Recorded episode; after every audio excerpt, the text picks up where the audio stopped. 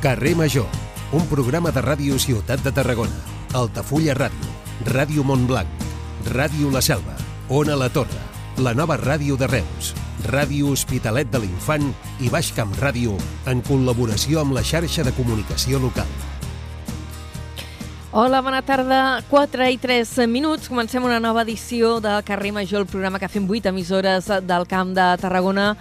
Avui, amb la mirada mig posada a Madrid, on ha començat ja aquest debat d'investidura de Pedro Sánchez amb el seu discurs inicial. Ara també eh, sentíem que ja havia parlat el cap, el que serà cap de l'oposició, previsiblement, Alberto Núñez Feijó, Pedro Sánchez, per la seva banda, en el seu Parlament ha defensat l'amnistia, ha dit que és perfectament legal i constitucional i suposa un pas endavant eh, per al retrobament total, ha dit. Eh, a més, el candidat considera que el problema del Partit Popular i de Vox no és justament aquesta llei d'amnistia, que és una de les bases de l'acord d'investidura, sinó que no accepten els resultats que ja hi va haver en les eleccions del 23J i que han configurat una majoria parlamentària que, si bé la seva no va ser la força més votada, sí que és aconseguit, la que ha aconseguit més suports. El seu Parlament també l'ha aprofitat per fer anuncis. S'anuncia d'una pròrroga de les rebaixes de l'IVA als aliments fins al juny de l'any vinent. A més, també ha dit que exigeix l'alto al foc immediat d'Israel i diu que treballarà pel reconeixement internacional de l'estat palestí. Qüestions que s'han dit, que han format part d'aquest debat d'investidura que ha començat avui, com dèiem, al Congrés dels Diputats, amb una sessió potser més tranquil·la del que es preveia, tot i que unes 500 persones han protestat a les portes del Congrés per la investidura de Pedro Sánchez i han arribat a increpar els policies. Tot això enmig d'un dispositiu policial molt ampli. Això a nivell general. Aquí, a nivell de territori, ahir a la tarda, l'Agència Catalana de l'Aigua reconeixia que no ha pogut detectar si Coxe va fer servir productes desescumants per emmascarar abocaments d'aigües contaminants al mar. Aquesta qüestió és una de les més rellevants en la peça separada del cas Iquoxe que, recordem-ho, investiga possibles abocaments il·legals i altres presumptes delictes mediambientals. Declaracions que feien els responsables de l'Agència Catalana de Notícies ahir a la tarda en comissió parlamentària a la Cambra Catalana i avui aquell judici, el cas dels terroristes de la Rambla i de Cambrils, sembla que es podria reobrir.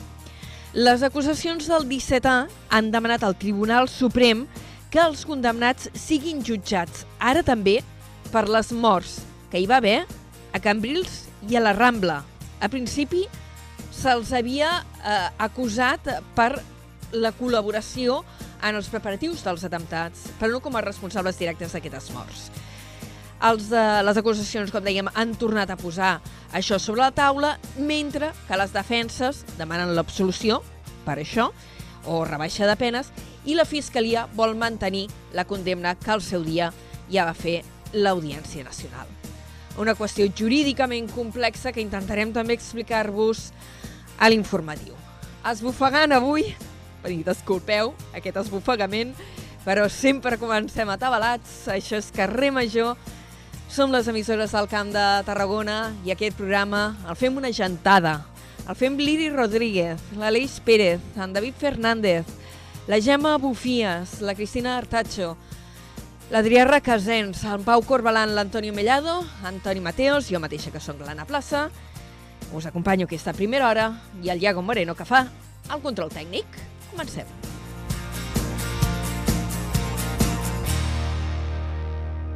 Carrer Major, Anna Plaza i Jonai González.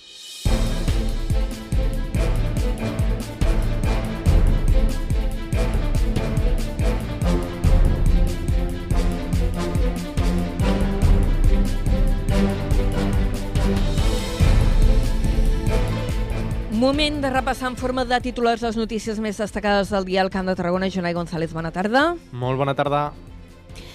L'Agència Catalana de l'Aigua reconeix que no ha pogut detectar si Coxe va fer servir productes desescomants per emmascarar abocaments d'aigües contaminants al mar.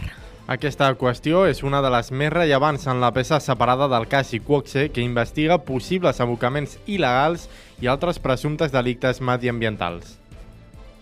Interior reforçarà la seguretat viària a Montblanc arran de l'obertura del túnel del Coll de l'Illa. L'alcalde Oriol Pallissó reivindica que fins que no es connecti la 27 amb l'AP2, el problema del trànsit es mantindrà. Aquest tema ha protagonitzat la Junta Local de Seguretat que s'ha fet avui. El conseller d'Interior, Joan Ignasi Helena, defensa que l'actuació dels Mossos d'Esquadra en la detenció del pistoler de Tarragona va ser molt professional. Helena s'ha pronunciat després que la germana de l'assaltant hagi denunciat que els agents van actuar de manera desproporcionada i un jutge hagi obert una investigació. Les acusacions dels atemptats del 17 demanen ara al Tribunal Suprem que els condemnats siguin jutjats pels morts que hi va haver a Cambrils i a la Rambla de Barcelona. En canvi, les defenses demanen l'absolució o rebaixa de penes i la Fiscalia vol mantenir la condemna de l'Audiència Nacional. El refugi del de Costa acollirà demà dijous una nova edició de la Fira de l'Ocupació que organitza la Cambra de Comerç de Tarragona. Aquest certamen està pensat per facilitar el contacte entre empreses que necessiten incorporar nou treballadors i gent que busca feina. I han intervingut a Tarragona material falsificat i beguda sense etiquetar per valor d'uns 50.000 euros. El dispositiu de la Guàrdia Urbana i la Guàrdia Civil s'ha fet amb parades del mercat ambulant i una nau industrial. Valls dona el tret de sortida a la campanya promocional de la 42a edició de la Gran Festa a la Calçotada. Aquesta, organitzada per la Cambra de Comerç de Valls, tindrà lloc el proper 28 de gener. 130 treballs s'han presentat enguany a la 36a edició del Premi de Periodisme Manyí Flaquer, que és el guardó de referència en el món de la comunicació al Camp de Tarragona. L'organitzen l'Ajuntament de Torre d'Embarra i la demarcació de Tarragona del Col·legi de Periodistes de Catalunya i compten amb la col·laboració de Repsol i el Port de Tarragona. El jurament es farà divendres de la setmana vinent. I a més us ho explicarem en directe des d'aquest programa, des de Carrer Major, perquè ja us avancem que divendres vinent farem programa especial, si tot va bé, i quadra tot des d'aquí a Torre d'Embarra per fer la prèvia eh, d'aquest lliurament de premis i parlar sobretot de periodisme. Jonai, les notícies les ampliem d'aquí mitja hora, mica més o menys. Fins ara. Fins d'aquí una estoneta.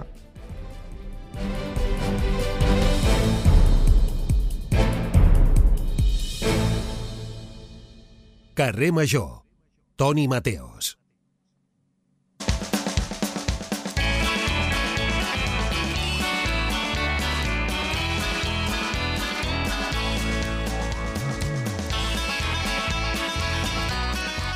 Toni Mateos, Dios mío. Ai, Dios mío, Ana Plaça, ajudeu-me. Ajudeu-me, es nota molt que he fet una marató avui. No, dona, no, ets una professional. Com estàs? Malament, Tanca- taquicàrdica. Taquicàrdica. I és dimecres només, eh? I és Ànim. dimecres. I per Ànim. demà eh, estic gestionant una entrevista que porto tres trucades i encara m'han de dir sí o no. Estic desesperada. Truca a l'Springsteen, que torna. Oh, sí, nen, què? Hi aniràs? A veure, és el dia, 20, el dia 21 surten les entrades. He Sí? d'escollir, he d'escollir si anar de vacances aquest, i, aquest, uh, aquest Nadal o Springsteen, perquè... Clar, perquè és una pasta. tot Quan, quan, L'entrada quan val? A veure, tens a partir de 85 A partir de 80. euros. A, a, partir, a veure, n'hi ha de 60, per- de 65, però és allò de visibilitat molt reduïda, etc etc. Ja. Clar, 85 són dret i a mi la meva dona m'ha dit jo el proper vull estar sentada. Home, per si I- acabarà dreta i ballant, i saltant, i cridant, i fent el loco. Sí, sí, però clar, tens, el, tens un lloc per ficar el culet, també. Això sí, això va Això bé, sí. eh? I val, va aquí bé. valen de, des de 125 en amunt. 125, 150... Clar, són dinerons, són dinerons. L'altre dia, l'altre dia amb el Josep aquí a la ràdio deia que ell vol anar al de... Ostres, aquells alemans bojos, que ara no em sortirà el nom. El del Du Heist. Els, Home, em, Ramstein, Rammstein. Oh, per favor, Oh, no em no. sortia el nom. per favor. Sí, sí, però El també Josep. valen una pasta Oh. per anar a veure Rammstein. No, no, això, això d'anar de concerts, estimada Ana Plaza, s'ha convertit en un luxe. Un luxe. És un luxe, ja? és un, luxe, és un luxe. Escolta, però també en fan molts de gratuïts i hi ha moltes maneres de- Sí. d'anar a fer cultureta, eh? I tant, i tant, i tant. El que sí, passa és que aquests són els superstars. Toni Mateos, mentre parlo amb tu vaig respirant i se'm va calmant el cor, Bé, bé, això, però escolta, això. necessito que m'avancis, perquè si no el convidat pobret ens renyarà, i amb raó, necessito que m'avancis què farem a partir de les 5. Mira, entrevistarem a Eva Vallès, ella és la directora executiva del REC, per parlar del festival que comença doncs, el, 20, el, 22, el, 20, el 22 de novembre, el dimecres vinent. Ui, sí, ja ho tenim aquí, ja ho tenim ja aquí, tenim molt de cine. Hi ha prèvies, eh, aquests dies, ja hi està havent Sí, projeccions sí, sí, prèvies. sí, sí. El Guille Mena, el nostre nutricionista de capçalera, parlarem amb ell d'un munt de coses. Eh, parlarem de salut, de menjars, ens prepararà un dinar super ràpid i super fàcil. Els Tonis, el Millado m'ha fallat avui perquè té reunió. Ara com és jefe, doncs té reunió. Eh? I, I avui jo també par- tinc reunió. Tu també tens reunió, molt bé, molt bé. Doncs uh, parlaré de Houdini. Jo sol parlaré de Houdini. Per què? Ja ho descobrireu, per Ja ho descobrirem. de, de Houdini. Màgia. Ban exacte, banda sonora del camp i anirem a veure l'exposició Papaluna amb la Cristina Artacho. Escolta'm, oh, això té molt bona, molt, molt, molt bona pinta, aquesta exposició sí. pels amants de la història, number one, i number two, eh, permeteu-me que ho digui, no sé de quina banda sonora farà avui David Fernández perquè no he parlat amb ell, però que sapigueu que Catarres i els Figaflaues Sí? han tret una nova versió de Jennifer, Oh, que encara... Jennifer. Oh, millora Oh. l'original. Genial. Millor Si no fa avui la, la banda sonora d'això, demanaria que la faci per demà, David. A veure, li demanarem que la faci, o si l'ha fet avui, perfecte, i si no, per demà. Per I, demà. I la nova, parlaran en lloc de Jordi Pujol, no sé, ho canviaran per eh, Puigdemont? No, no, Jordi No? Pujol surt, surt, Surt, surt però et diré que també surten els piolins. Ui, doncs l'he d'escoltar, aquesta banda sonora. És Aquesta- molt divertida. Sí, sí, M'encanta. Li, li donarem un cop d'orella. Toni, tot això a partir de les 5. Moltes gràcies, a partir de les company. 5. Fins ara, abraçada. petonet. Fins ara. Cada tarda de dilluns a divendres fem parada a Carrer Major.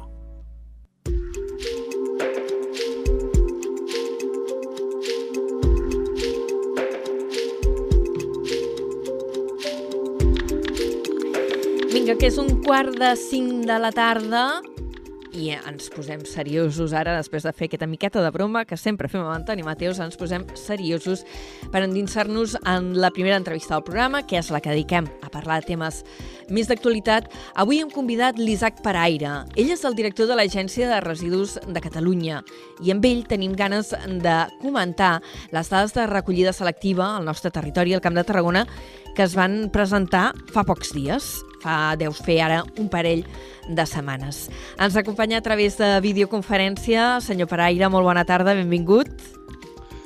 Hola, bona tarda. Què tal? Dèiem que teníem ganes d'analitzar eh, aquestes dades de recollida eh, selectiva perquè eh, ens venen a dir que estem estancats i de fa temps. El Camp de Tarragona eh, recicla ara mateix un 42% dels seus residus. Això és 3 punts per sota de la mitjana catalana i amb poca evolució respecte a l'any passat. Sí, eh, de fet no és una mm, diferència molt important amb el que passa al país, aquest estancament, o sigui que el viu tot el país, no és, no és exclusiu del Camp de Tarragona, encara que les vostres terres, diguem, um, és uh, un estancament una mica per sota no? d'aquesta mitjana, una mica gairebé insignificativa, eh? del 42 amb 4 al 45, doncs és, és insignificant això, no? I per tant, um, el que és claríssim és que hi ha un estancament i que el que cal és sortir-ne i eh, el que hem de fer és seguir posant eines per, per sortir-ne, bàsicament. No? I per això expliquem um, quines eines podríem tenir um, per fer-ho. També és veritat, i cal posar de relleu, que hi ha, hi ha comarques doncs, que ho han, fet, uh, ho han fet molt bé. De fet, igualment, aquestes mateixes comarques tenen la, la, la, millor, la millor comarca del, del país, la, la, la Conca, la Conca de Barberà, i per tant um, s'ha de dir tot, també, no? S'ha s'ha de- d'explicar tot. Um, i, I res, uh, cal uh, millorar, cal sortir d'aquest estancament i si voleu us podem parlar de com, o no sé... Sí, ara, ara hi entrarem. eh, I voldria assenyalar també aquest cas eh, de la Conca de Barberà, perquè això també, ho, quan vau presentar les dades, ho vau destacar. Es manté com a segon any consecutiu com la comarca catalana que més recicla amb un índex que frega, no hi arriba però està molt a prop, del 80%. Això és molt. Sí. És, és molt i és un, um, un exemple de que bàsicament és possible. És possible fer-ho i que, i que, es, que es pot fer. No? O sigui, no només s'ha de fer, no només tenim l'obligació de fer, tenim el compromís de fer-ho, sinó que és possible fer-ho. I com ho ha fet? Doncs bàsicament generant, um, o sigui, uns governs uh, disposats a fer-ho, a fer una implantació de models d'alta eficiència, de fer d'aplicar en la mesura de que el seu territori necessita aquell model, és un porta a porta amb algunes àrees d'aportació amb contenidors intel·ligents. Per tant, és l'adaptació de l'alta eficiència al seu territori al complet. No? La diferència entre la Conca de Barberà i alguna altra comarca que està molt a prop és que la Conca ho fa a tota la comarca. No? I això eh, també nosaltres hem de, o el govern de la Generalitat, hem de ser capaços de trobar també o de seguir avançant en què això ajudi a la, a la contenció de la, de la despesa de, dels residus del cost del tractament dels, de la gestió dels, de la, del cost de la gestió dels residus que els que ho fan millor eh, no tinguin un cost eh, tan elevat. No? Per tant, la Conca és un exemple de, de, de, pel país i eh, pels del seu voltant, en exemplificador de que cadascú ha de generar el seu propi, el propi model, eh, tenint les característiques eh, urbanístiques, socials, econòmiques del seu municipi i sobretot per fer un salt endavant necessitem que les conurbacions urbanes, les ciutats, bàsicament facin el, el pas endavant per, per, per millorar tot plegat. Aquí anava jo, eh, perquè potser algun dirà, home, però la Conca eh, és una comarca amb poca densitat de població, eh, la població més gran eh, és Montblanc, que tampoc és tan gran, eh, tots són poblets petits, allí aquestes qüestions són més fàcils de gestionar. Però com es fa això en una ciutat més gran? Com es fa això, per exemple, en municipis de costa o poblacions com les que tenim aquí, de les dimensions de Tarragona o Reus? D'entrada, mm, jo diria eh, que l'escala de valor de veure quin municipi és més complicat és complicada de fer. Tots els municipis tenen les seves casuístiques i característiques, no? Si no, com s'explica que altres comarques amb les característiques similars de la Conca no treguin els millors, els mateixos resultats, no? Hi ha altres comarques amb la mateixa densitat de població, amb, les, amb el mateix tipus de, de població que la Conca i no tenen el, el, mateix, el mateix número de resultat. Per tant, potser hi ha algun element més no només el de característiques, eh, com deia, de, de, demogràfiques o urbanístiques. No? Per tant, hi han més eh, característiques que s'han de tenir en compte i simplement, simplement entre cometes, el que s'ha de fer és un pla d'anàlisi eh, de la recollida selectiva i una diagnosi de millora adaptada a cadascun dels municipis. Per fer això, eh, cal, en, cal que el govern, eh, els governs municipals doncs, ho facin i trobaran i troben en l'Agència de Residus de Catalunya, en la Generalitat de Catalunya, un, un soci eh, per, per fer-ho tant a nivell tècnic com econòmic, que és important, i com polític. Però, eh, malgrat tot el suport tècnic, tot el eh, suport econòmic o l'acompanyament polític que poden tenir, si no hi ha un lideratge territorial, això no és possible. I és evident que cal atendre aquestes característiques de cadascun dels llocs. No? Com deien, no és el mateix uh, un lloc um, molt turístic, en plan de la platja, com algunes zones que podeu tenir vosaltres, o també turístic més a l'interior. Podem parlar del Priorat o podem parlar del, no sé, de, de l'Alt Berguedà, o una dispersió de les cases com el Solsonès, no? però o en tot cas amb característiques d'altres llocs d'aquí a Tarragona. Llavors, cal um, abordar-ho. O sigui, els turistes eh, el, han de saber quan van als llocs, de fet passa, els turistes mm, quan arriben a un lloc han d'adaptar-se eh, en les característiques d'utilització d'aquell lloc. No? Igual que quan arriben en un apartament els hi donen, a hotel o alguna els hi donen unes indicacions, poden anar acompanyades de quines són les indicacions de gestió de residus. Hem de parlar de residus de forma oberta, clara, transparent, moderna. I és més, en el moment que estem de crisi climàtica, el turisme sostenible és també un al·licient eh, pel, pel territori, no? sostenible des del punt de vista ambiental. Eh, cal que ens hi posem un turista no uh, ho pot fer bé si no té a la seu, al seu abast un model uh, de recollida selectiva d'alta eficiència. Ara, precisament que ha tret aquest uh, tema dels municipis turístics, els mateixos municipis turístics, i penso, per exemple, aquí que tenim Salou, uh, que més que doble, la, què dic, doble, triplica i potser fins i tot quadriplica la seva població eh, durant els mesos d'estiu, se'n queixen de les dificultats que, sobretot la gent que va en segones residències, perquè suposa que les cadenes hoteleres, tot aquest tema, ja l'haurien de saber gestionar, no? Però potser la gent que va més en segones residències, aquest tema del reciclatge i de separar la brossa, com que és difícil de que s'arribi a fer? El que passa és que és un canvi de, un canvi de model, un canvi de paradigma que afecta i com a tal, i com a tots els canvis en general, genera una reacció, eh, aquest és el canvi que més afecta perquè afecta a tothom, a tota hora i a tot arreu. Per tant, és veritat que és un canvi que eh, necessita doncs, una aposta ferma i un consens polític també per, per poder-se fer. No? Um, però uh, ja hi han molts municipis al país, per exemple, més de 313 que fan el porta a porta al país. Per tant, uh, hi ha a zones urbanes uh, grans, a la pròpia capital del país, o a Lleida estan avançant en aquest, en aquest sentit. Tarragona ha estudiat i ha preparat per s'ha preparat per avançar en aquest, també en aquesta direcció. Per tant, és possible. Repeteixo, un turista el que ha de trobar és fàcil fer-ho bé, no fàcil fer-ho malament. I per tant, eh, cal que, que s'hi posi, que posi, aquest, que posi aquestes solucions no? de, de, de recollida separada. Més enllà, també, que no voldria deixar de dir-ho, que cal que el món, eh, o sigui, igual que la ciutadania li demanem i cal que la ciutadania ho faci millor, ho fem millor, en molts dels municipis n'hi ha que ho fan superbé, cal que el món municipal el món dels, de l'administració doncs ho, ho podem fer. Un ciutadà no pot fer bé si no té al seu abast un, un model com deia ara, però cal també el món de la indústria, la distribució, la producció, no? eh, que eh, posi al mercat doncs, elements que generin menys residus o que després també puguin ser reciclables. Per això parlem d'ecodisseny, etc. No? I per tant, la simbiosi ha de ser a, a totes les bandes, no només recau a la ciutadania en general aquesta millora que el país necessita.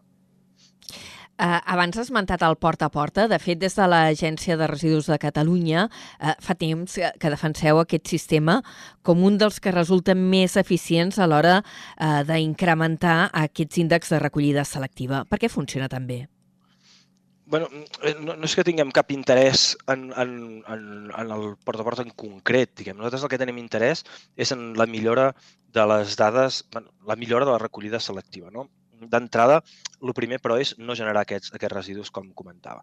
Um, llavors, el model de recollida selectiva d'alta eficiència, és a dir, que els millors resultats dona i més ràpid, és el porta a porta, pel, per l'històric, pel recull de dades, tot. Però no només. És cert que hi ha altres fórmules que són mixtes, per exemple, un porta a porta amb contenidors intel·ligents complementant-ho és, és perfectament vàlid.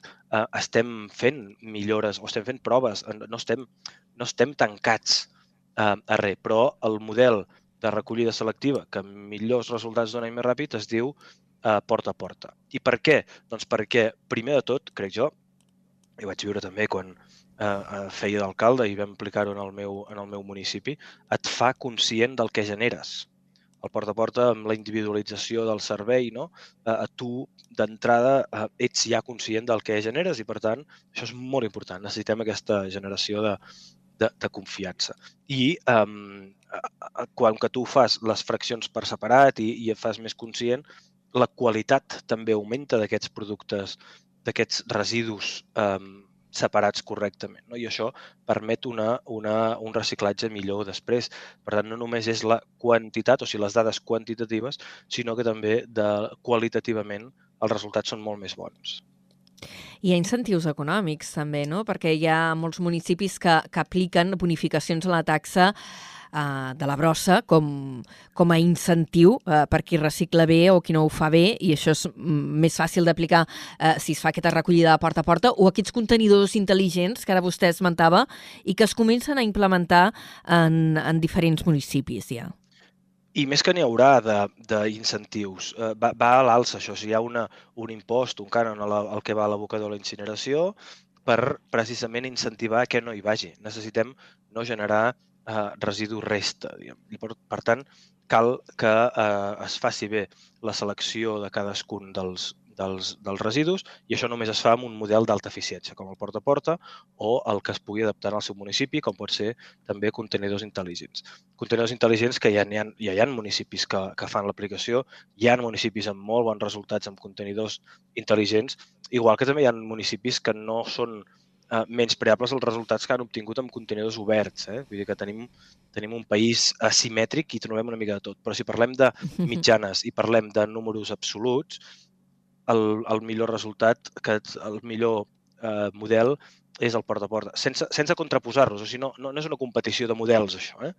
Um, en tot cas, l'agència està al costat, repeteixo, com que és una competència municipal, um, dels municipis que facin aquests, uh, aquests avenços, que facin aquests passos, que, com deia, no només és un d'obligat compliment, sinó que també creiem que és un deure uh, a la, per la ciutat, a la ciutadania. Per cert, la casualitat ha volgut, perquè l'havíem demanat ja fa uns dies, eh, quan vau presentar les dades eh, de reciclatge al Camp de Tarragona, però la casualitat ha volgut que estem fent aquesta entrevista amb el director de l'Agència Catalana de Residus, justament coincidint amb la Setmana Europea de la Prevenció de Residus, eh, amb la qual des de l'agència també col·laboreu, oi? Sí, eh, uh, Catalunya és líder a Europa en aquesta, en aquesta setmana europea. Més de 1.000 activitats s'organitzen al nostre país. Penseu que arreu d'Europa el total aquest any veurem, però els altres anys ronda els 13.000. Per tant, és, és, una, és un percentatge molt elevat al nostre país, com si volca arreu de les comarques i municipis i són moltes les entitats, ajuntaments que fan i posen al centre la prevenció, com deia abans. Eh? El millor residu que tenim és aquell que no es genera i, per tant, eh, fer accions i pedagogia en aquest sentit és eh, la línia que perseguim. Eh, president, eh, enguany s'està donant un fenomen en molts municipis, almenys en molts d'aquí del camp de, de Tarragona, que és que estan pujant la taxa de la brossa. Això també és una manera, potser de donar a entendre, a banda de la necessitat de cobrir el cost d'un servei, una manera de donar a entendre que gestionar la brossa és car. Gestionar la brossa, clar, un altre cop depèn d'on on posem l'escala de valor, si és cara o no, um, però té un cost. Clar, um, hi ha municipis que tenen una taxa de 190 mm, euros, per exemple, un domicili mitjà, diguem, i algú diria és molt car. Menys d'un euro per dia per treure't la brossa, no sé si és car. De fet, és molt barat. Per tant, depèn on posi l'escala de valor. No? Si ho comparem amb altres serveis que, que tenim, doncs eh, jo crec que fins ara ho hem tingut massa barat. O, dit d'una altra manera, no s'ha posat eh, a l'aparador el que costa la gestió de la brossa i eh, aquest any, degut a moltes circumstàncies, eh, també venim d'un any electoral, venim d'anys de Covid, venim, bueno, doncs s'han anat acumulant uns anys que les taxes ha costat eh, eh, posar-les més altes, no? Però en el cas de la, de, la, de la taxa de residus, alguns fins i tot ni, ni no, no en tenien. També és veritat, i per ser justos, que hi ha municipis que ho han fet sempre molt i bé i que no han hagut de pujar les taxes aquest any. Per tant, mm, tornem a trobar una mica de tot, no? El qui ha fet els deures, qui ha fet la feina, doncs no ha tingut tants disgustos ara en aquest, en aquest sentit. Uh, president, uh, permetin que li pregunti sobre algunes qüestions aquí del territori. Uh, això ja li pregunto una mica des de la ignorància. Uh, L'Agència de Residus de Catalunya té veu en els projectes dels magatzems individuals de residus nuclears eh, que s'han de fer a Escó i Vandellós. Ho, ho dic per si heu presentat al·legacions. Això sabem que depèn del Consejo de Seguridad Nuclear, però no sé si des de l'agència eh, heu emès algun dictamen en, en relació amb aquests projectes. Mm, de fet, l'Agència de Residus de Catalunya té competència o té marc entorn a tots els residus que passen no, que, que hi ha a Catalunya, excepte els nuclears. Mm, precisament... que és competència estatal. Ara, sembla que m'escaquegi, eh? però en aquest cas no, no pertoca, no. no és àmbit competencial nostre, uh, uh, aquest, uh, uh, uh, aquests, aquests residus. Igual hi ha algun altre tipus de residus, eh? però els que uh, nosaltres no tenim competència, encara que uh, sempre, evidentment, estem matents uh, i el cas del que pugui passar i al costat de, de, de la situació que, que hi hagi. Eh, jo, jo sabia que era una competència estatal, el dubte que tenia és si l'agència hi podia presentar al·legacions o teníeu alguna cosa a dir al respecte. Si no, passem a la següent pregunta. No, no. Passem a la següent pregunta. No. Mm. Uh, L'Agència Catalana de Residus, això sí que, que és una notícia que va sortir ja fa, uns, ja fa un temps, uh, però és per saber com està aquesta situació. Va demanar a l'Ajuntament de Reus una anàlisi de risc a la salut humana en la urbanització de la zona de la Hispània, on s'ha de, on de construir un edifici o un seguit d'edificis, s'ha de fer un aparcament soterrat, antigament allò havien sigut unes cotxeres, uh, hi havia indicis que hi havia contaminació per hidrocarburs i altres uh, productes que podien ser tòxics. Aquesta qüestió, aquest expedient, com, com ha acabat? De fet, eh, em vaig implicar personalment, que vaig anar fins i tot a una, a una reunió amb uns veïns i amb l'equip de govern hem parlat, també sempre amb qui ha fet falta. Eh, intentem explicar sempre molt tot, perquè, parèntesis, eh, aquest és un tema que crec que sempre s'ha d'abordar màxima eh, transparència, s'ha d'explicar molt i bé. Eh, en aquest cas, hi havia aquesta certesa de, de contaminació al, al sol i com a tot arreu i, i això doncs, havien de tenir en compte eh, aquesta, aquesta casuística i així eh, l'Ajuntament ho va tenir i ho ha tingut en compte. De fet, l'última reunió per explicar com faran les obres va ser no fa gaires dies que l'Agència de Residus també hi va participar activament.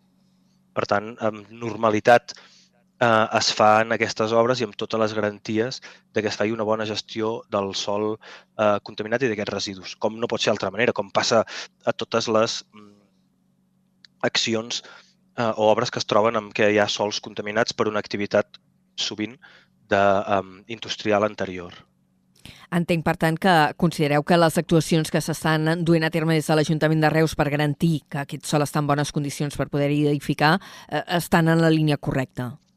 Sí, sí, de fet, des del primer moment l'Ajuntament ha estat conscient d'això i ha fet els passos per, per fer-ho de forma correcta, com no pot ser d'altra manera, de fet. I, per tant, mm -hmm. jo crec que està bé i, eh, fer i com, com toca, diguem, no, no és res excepcional, l'Agència de Residus en fa un seguiment o també està al costat de poder eh, ajudar, acompanyar en, en, en fer-ho bé i, i, i amb, amb normalitat dins la dins la, la anormalitat que hi hagi aquesta contaminació eh, en el sol. I permeti'm ja per anar tancant l'entrevista eh, que li pregunti per un projecte que es va dur a terme al llarg de l'any passat eh, que era la planta, una planta de compostatge experimental que es va habilitar al Parc Urbà de la Torre d'en Dolça de Vilaseca, un projecte també per valoritzar les restes orgàniques mm, procedents del sector turístic. Eh, sí. I era per saber si tindrà continuïtat aquest eh, projecte, perquè expliquem una mica com va anar i, i quina valoració n'heu fet. És un projecte molt bonic, la veritat, amb, amb, amb cooperació amb diferents uh, països uh, diversos, com la pròpia Palestina, per cert, i que, um, o, o, el, o el Líban, Turquia, uh, Turquia sí, i sí. Itàlia, crec, no me'n deixo cap. Um, llavors, aquí uh, va, anar, va anar molt bé, um, just el projecte estem acabant de tancar-lo, ara mateix amb les seves valoracions i avaluacions, i tant de bo poguéssim trobar les fórmules de que pogués tenir continuïtat, bàsicament perquè aquí, a part, uh, hi havia una feina d'inserció, eh, bueno, és, és la, una de les potes importants d'aquest projecte, a part de la bona gestió de l'orgànica i, i la, la, el fer aquest compostatge de proximitat, eh, doncs és la, la inserció de, de persones amb risc d'exclusió que, eh, que, anat, que va anar molt bé. Jo vaig tenir ocasió de visitar-ho almenys dos cops i era realment molt bonic i, per tant, eh, amb bons resultats. Ara el repte seria eh, poder-ho poder trobar la manera de, de que pogués seguir amb la implicació del sector privat, en aquest cas, tant de, tant l'àmbit de la inserció social com de, de, de la part hotelera, um, eh, és, és important que es trobi la fórmula de que pogués tenir continuïtat, en aquest cas, perquè era molt bonic. Ah, una mica de, una mica des de dins de, del projecte perquè el conec de prop. Jo sóc de Vilaseca i conec la, ah, la persona que estava encarregada de, de la planta de compostatge. Una mica la dificultat també era això, la implicació de les empreses privades i també donar sortida, sortida comercial eh, en aquest compost, no? Que, que no quedés la cadena trencada. De fet, eh, aquests projectes serveixen per això també, per veure les seves, no sé si dir-ne, debilitats, eh, per, perquè poder-les arreglar diguem, no? Llavors, um, que al moment que desapareix el, el, el paraigües projecte, no? Uh, doncs que pugui seguir l'activitat. Aquesta seria, seria el gran èxit d'aquest projecte que a veure si, si ho podem aconseguir, encara que tingui aquestes dificultats, com, com tu deies. A vegades també el mercat, hi ha, hi ha complicacions en, en això. Mhm. Però en tot cas, um, és, és, seria realment potent. Sí. Doncs li donem les gràcies a l'Isaac Paraire, el director de l'Agència de Residus de Catalunya, que ens hagi acompanyat avui dimecres a, a Carrer Major, passejar pel carrer Major del Camp de Tarragona, analitzant per començar aquestes dades que presentàveu ara no fa gaires dies de reciclatge al nostre territori, que tenim feina encara per avançar, i després per parlar també alguns projectes en els quals l'Agència de Residus de Catalunya hi té coses a dir. Moltíssimes gràcies, senyor Paraire. Gràcies a vosaltres i disculpeu que estic una mica constipat, com molta Tranquil. gent aquests dies, no? Vostè està constipat, jo estic estressada. Aquí no passa res. Vale. Doncs escolta, cuideu-vos molt, d'acord? Una abraçada. Adéu-siau. Vinga, que vagi bé. Adéu. Adéu, adéu. Carrer Major, al Camp de Tarragona, des de ben a prop. 4 i 38 minuts hem fet ja l'entrevista d'aquesta primera hora del programa, avui conversant, a més ja ho hem dit, coincidint amb la Setmana Europea de la Prevenció de Residus, on hem tingut l'oportunitat de conversar detingudament amb el director de l'Agència de Residus de Catalunya. No fa gaire, encara era en Josep Maria Tost, eh, exalcalde de Riu de Canyes, ara tenim l'Isaac Paraire com a, com a director. Centrem-nos ara en analitzar les notícies del dia, començant per eh, l'Agència Catalana de l'Aigua, que ha reconegut que no ha pogut detectar si Icoxe hauria fet servir productes desescumants per emmascarar abocaments d'aigües contaminants al mar. Aquesta qüestió és una de les més rellevants en la peça separada que s'està instruint al marc del cas Icoxe, que investiga possibles abocaments il·legals i altres presumptes delictes mediambientals per part d'aquesta empresa química. Jonai González, bona tarda de nou. Bona tarda de nou. Ahir els responsables de l'Agència Catalana de l'Aigua en van parlar d'aquest tema en una compareixença al Parlament. La gerent de la Camar León va detallar les múltiples inspeccions que s'han fet en la companyia, algunes de les quals van acabar en sancions. De multes n'hi ha hagut 7 des de 2015. León ha manifestat que no han pogut determinar si es falsejaven les anàliques, però que sí hi havia vessaments irregulars. De fet, en van detectar en la darrera inspecció d'abans de l'accident. També es van detectar alguns incompliments que van derivar en un expedient sancionador que ara estan suspens perquè el procediment penal està en curs. Cap d'aquests expedients sancionadors, però, va tenir causa en algun factor que pogués estar lligat als motius de l'explosió, sinó en els incompliments dels paràmetres d'abocament màxims autoritzats a mar. En la compareixença al Parlament, els responsables de l'ACA també han parlat de la problemàtica dels pèl·lets. El director de l'àrea de gestió territorial de l'Agència Catalana, Diego Moxó, considera que el problema deriva de la mala praxi de les empreses. El problema dels pèl·lets més aviat és una mala praxi en la manipulació d'aquest material de les empreses. No tant que surti abocat amb les seves aigües residuals, sinó que la manipulació d'aquests eh, plàstics, eh, d'aquesta matèria prima, normalment a les instal·lacions de la mateixa empresa provoca que en cas de crescudes, en cas de pluges o en cas inclús de desbordament de canals siguin arrossegats aigües avall. Des de l'Agència Catalana de l'Aigua es van fer requeriments en establiments on van detectar mals protocols en la manipulació dels microplàstics que en la majoria dels casos es van corregir i més uh, qüestions que tractem avui a l'informatiu. Interior uh, reforçarà la seguretat viària a Montblanc arran de l'obertura del coll de l'illa. L'alcalde Oriol Pallissó reivindica que fins que no es connecti la 27 amb l'AP2, el problema del trànsit es mantindrà. Aquest tema ha protagonitzat la Junta Local de Seguretat que s'ha fet avui. Des de Ràdio Montblanc ens ho explica en Pepa Ardila. L'increment de trànsit previst amb la posada en marxa del túnel del Coll de Villa és un dels temes que més preocupa l'Ajuntament de Montblanc en matèria de seguretat i que s'ha abordat avui a la celebració de la Junta Local de Seguretat de Montblanc que ha presidit el conseller d'Interior Joan Ignasi Helena.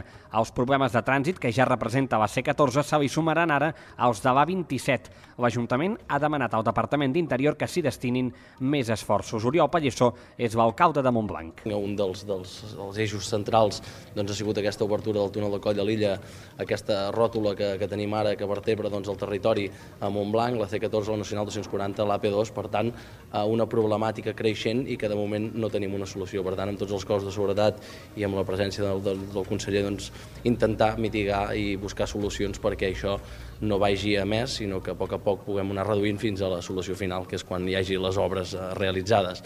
El conseller d'Interior ha assegurat que reforçaran l'àrea de trànsit dels Mossos d'Esquadra a Montblanc amb nous agents de cara al 2024. I per tant, doncs, les conseqüències des del punt de vista del trànsit que això, que això provoca, doncs, eh, des del Servei Català de Trànsit, des de Mossos de Trànsit, adoptaran mesures, ja ho han fet aquest estiu, per intentar pal·liar una solució que resultarà doncs, quan s'acabi la, la construcció de la via. De la Junta Local de Seguretat destaquen també les dades. A Montblanc hi ha una mitjana de 60 delictes per cada 1.000 habitants, situant-la per sota de la mitjana catalana, que és de 76. Destaquen les estafes, que representa el 25% dels delictes, amb un increment del 27% respecte a l'any passat. Per cert, que el conseller d'Interior el tenim hores d'ara a Constantí, concretament a les instal·lacions de Mas UB, on es presenten els detalls del simulacre que seran a finals d'aquest mes de novembre al polígon nord de Tarragona. En les pròximes edicions informatives a Carrer Major, demà mateix, eh, us explicarem el detall d'aquest simulacre i, a més, també us avancem que estem gestionant una entrevista per poder aprofundir en aquest tema. I avui el conseller d'Interior ha parlat també d'altres qüestions, ha defensat l'actuació dels Mossos d'Esquadra en la detenció del pistoler de Tarragona, eh, que va morir en l'actuació eh, del 14 de desembre de 2021. Recordem, hi va haver un assaltament en una empresa al centre de Tarragona. L'home es va donar a la fuga i va acabar sent abatut eh, quan es va trinxerar en un mas del Baix Camp. Eh, avui Joan Ignasi Helena ha dit que l'actuació dels Mossos va ser molt difícil i molt professional. El conseller també ha subratllat que l'operativa va ser complexa i arriscada i que diversos agents van resultar ferits. El conseller ha donat suport públicament als efectius que van intervenir en l'operativa i ha remarcat que actuaran en conseqüència a aquest suport. Aquella va ser una operació molt, molt complexa en la que van resultar ferits agents i vull expressar el meu suport als agents que van intervenir en, aquella, en aquell dispositiu molt complicat, molt arriscat i en el que van actuar doncs, eh, molt professionalment. Helena s'ha pronunciat després que la germana de l'assaltant hagi denunciat que els agents van actuar de manera desproporcionada i un jutge hagi obert una investigació. I eh, parlant d'ara d'àmbit judicial, les acusacions dels atemptats el 17 d'agost eh, demanen al Tribunal Suprem que els condemnats siguin jutjats de nou i en aquest cas pels morts que hi va haver a Cambrils i a la Rambla. En canvi, les defenses n'han demanat la solució o bé que se'ls rebaixin les penes i la Fiscalia vol mantenir la condemna que ja va imposar en el seu dia l'Audiència Nacional. Segons els advocats de diversos Mossos d'Esquadra, ferits i dels pares del, del nen de 3 anys mort a la Rambla, els tres condemnats van ser imprescindibles per cometre els atemptats i, per tant, han de ser jutjats un altre cop, incloent aquest delicte. José Antonio Vitos és advocat de diversos Mossos d'Esquadra ferits a Cambrils i a Subirats. La llei permet aquesta revisió dels fets i de la interlocutòria de processament i de les persones que estan processades per aquests fets i, per tant, el que demanem és que aquesta interlocutòria es revoqui, es revoqui també l'auto d'apertura de judici oral i, per tant, el que s'hauria de fer és retotreure actuacions i fer un altre judici nou. Said Ben Yatza va ser condemnat a 8 anys per col·laboració amb organització terrorista, però ja ha sortit de presó i el límit de compliment pels altres dos és de 20 anys. La Fiscalia, la Generalitat, els ajuntaments de Barcelona i Cambrils i les associacions de víctimes del terrorisme i altres acusacions particulars s'han oposat als recursos de les defenses. Algunes de les acusacions han demanat mantenir la sentència en segona instància de l'audiència i altres s'han adherit a la petició de repetir el judici per condemnar-los pels assassinats assassinats amb motivacions terroristes. I ja en vam parlar dies enrere aquí al programa. Eh, S'està fent la Setmana de l'Hidrogen de Catalunya al Moll de Costa de Tarragona, un seguit de jornades en què es presenten les novetats en relació amb l'hidrogen i la seva producció al país. Avui s'han presentat alguns dels projectes industrials que hi ha sobre la taula, alguns d'ells ja madurs, altres en fase de desenvolupament. S'ha explicat que aquí n'hi ha una quarantena que els pròxims anys es podrien arribar a desenvolupar i que suposarien una inversió global de 2.000 milions d'euros. Un dels més avançats és el que ja havia presentat Repsol, de fer una hidrogenera eh, que preveu una inversió de 300 milions d'euros i que podria estar operativa d'aquí 4 anys, el 2027, amb la participació eh, d'altres empreses eh, químiques com són Enagas i Coxe i Messer. Repsol, en el marc d'aquestes jornades de la Setmana de l'Hidrogen, també ha explicat que té en fase d'enginyeria un hidroducte que permetria connectar i transportar hidrogen des del polígon nord al sud. Al marge hi ha altres projectes, alguns dels quals encara no s'han pogut fer públics, tot i que estan avançats per uns temes eh, de confidencialitat industrial.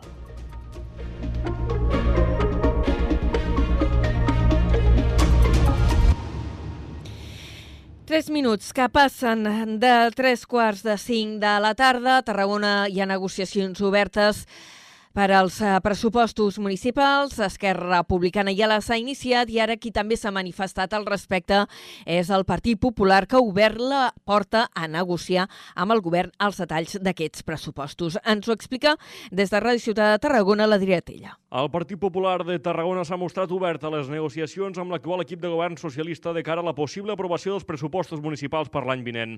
El PP ha explicat que l'escenari és totalment diferent respecte al de les ordenances fiscals i que aquest mateix migdia de dijous s'ha dut a terme la primera trobada amb l'equip de govern per presentar-los les propostes actuals. La portaveu del PP a Tarragona, Maria Mercè Martorell, ha manifestat prèviament la intenció d'escoltar-les, analitzar-les i plantejar també les idees que consideren que s'hi han d'incloure.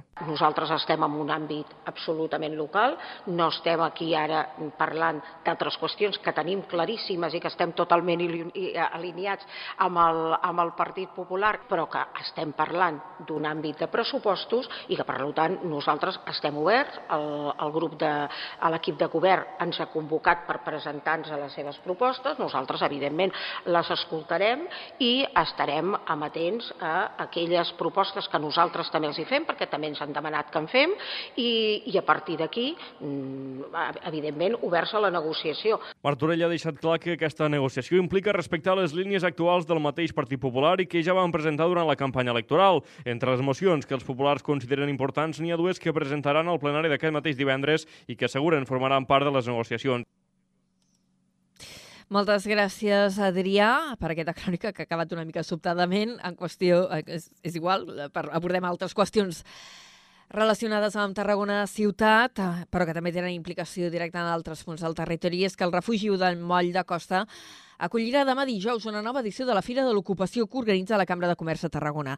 Aquest certamen està pensat per facilitar el contacte entre empreses que necessiten incorporar nous treballadors i gent que busca feina.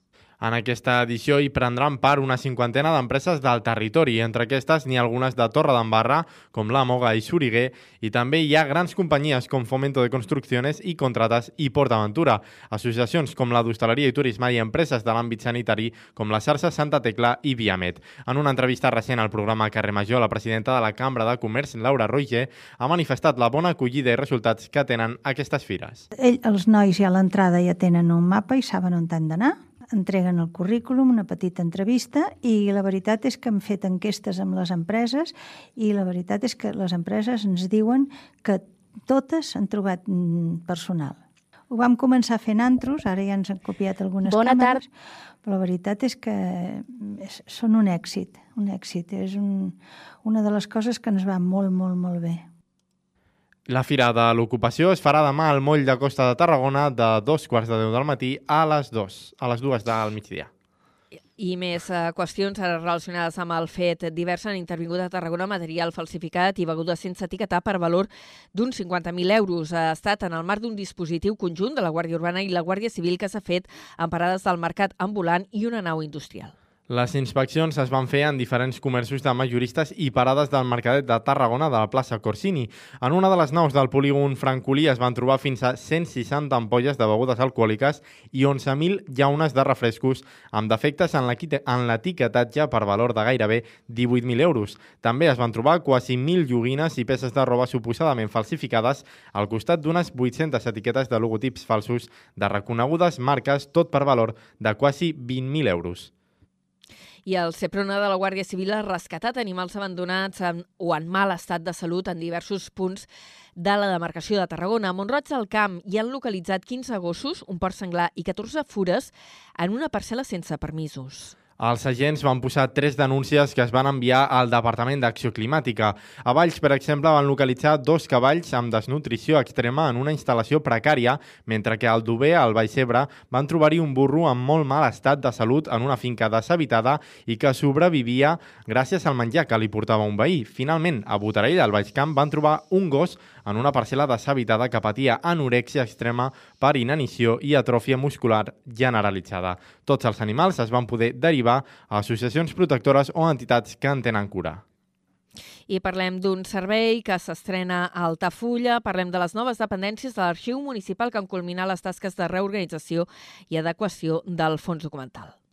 El nou espai s'inaugura oficialment aquest divendres, però ja s'hi pot accedir per fer consultes de dilluns i dimecres de 9 a 2. Ens dona més detalls des d'Altafulla Ràdio amb Pau Corbalan. El nou arxiu municipal d'Altafulla ja és una realitat i aquest divendres 17 de novembre obre les seves portes. Les dependències acabades d'estrenar suposen la culminació d'una tasca de reorganització i adequació del fons documental iniciada mitjans del 2019. Després de revisar la documentació existent per ordenar-la i categoritzar-la i, a més, fer fins a dues desafeccions de fons per eliminar aquella documentació documentació, que ja no calia conservar, es va començar a idear la creació de la infraestructura dient per mantenir els documents en bon estat i fer-los accessibles a la ciutadania. Patricia Terrado, l'arxivera municipal, mostrava orgullosa les noves dependències. La importància de la inauguració que fem d'aquesta sala de consulta no és res més que al final la culminació de molts anys de feina i, i de posada al dia d'aquest arxiu. L'arxiu sempre ha existit, però no hi havia cap mena d'organització ni cap mena de control. L'accés a l'arxiu municipal és lliure i gratuït i representa un servei molt important per a historiadors, estudiants o tècnics que requereixin consultar documents passats de rellevància per la seva tasca.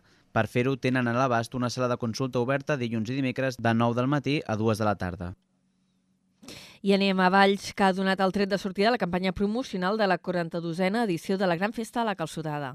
Aquesta, organitzada per la Cambra de Comerç de Valls, tindrà lloc el proper 28 de gener. Ens ho amplia des de Ràdio Ciutat de Valls, en David Prats. A l'espera de tancar el programa d'actes definitiu, des de l'organització han anunciat que mantindran l'aparcament de la cooperativa agrícola com a principal punt de degustació.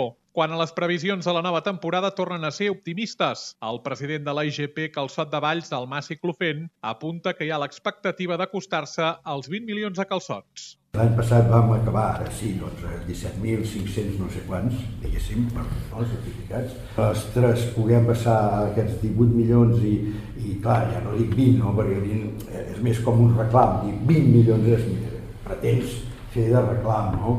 Passar dels 18 milions eh, a tensar aquests 20 milions, eh, jo crec que seria l'èxit eh, com a novetat, la gran festa de la calçotada 2024 suma el patrocini d'Europastri, que se suma Castell d'Or i Salses Fruits. També compta amb la col·laboració de l'Ajuntament de Valls. I una altra cita gastronòmica, que està encara eh, més, a, més a prop del centre del Camp de Tarragona, la plaça Corsini de la ciutat de Tarragona serà eh, l'escenari de la Fira de l'Oli de la denominació d'origen protegida Siurana, que es farà la setmana que ve, el cap de setmana vinent, el 24 i 25 de novembre. I en cultura, només apuntar-ho, 130 treballs s'han presentat en guany a la 36a edició del Premi de Periodisme Manyer i Flaquer, que és el guardó de referència en el món de la comunicació al Camp de Tarragona. Un premi amb tres categories, el Premi de Periodisme Turístic, el del Camp de Tarragona i el de Periodisme Local que organitzen l'Ajuntament de Tarragona amb el suport del Col·legi de Periodistes de Catalunya i el suport econòmic de Rapsol i del Port de Tarragona. Ja sabem quants candidats hi ha, 130 al lliurament divendres que ve. Tanquem així la primera hora de carrer Major. Adéu-siau.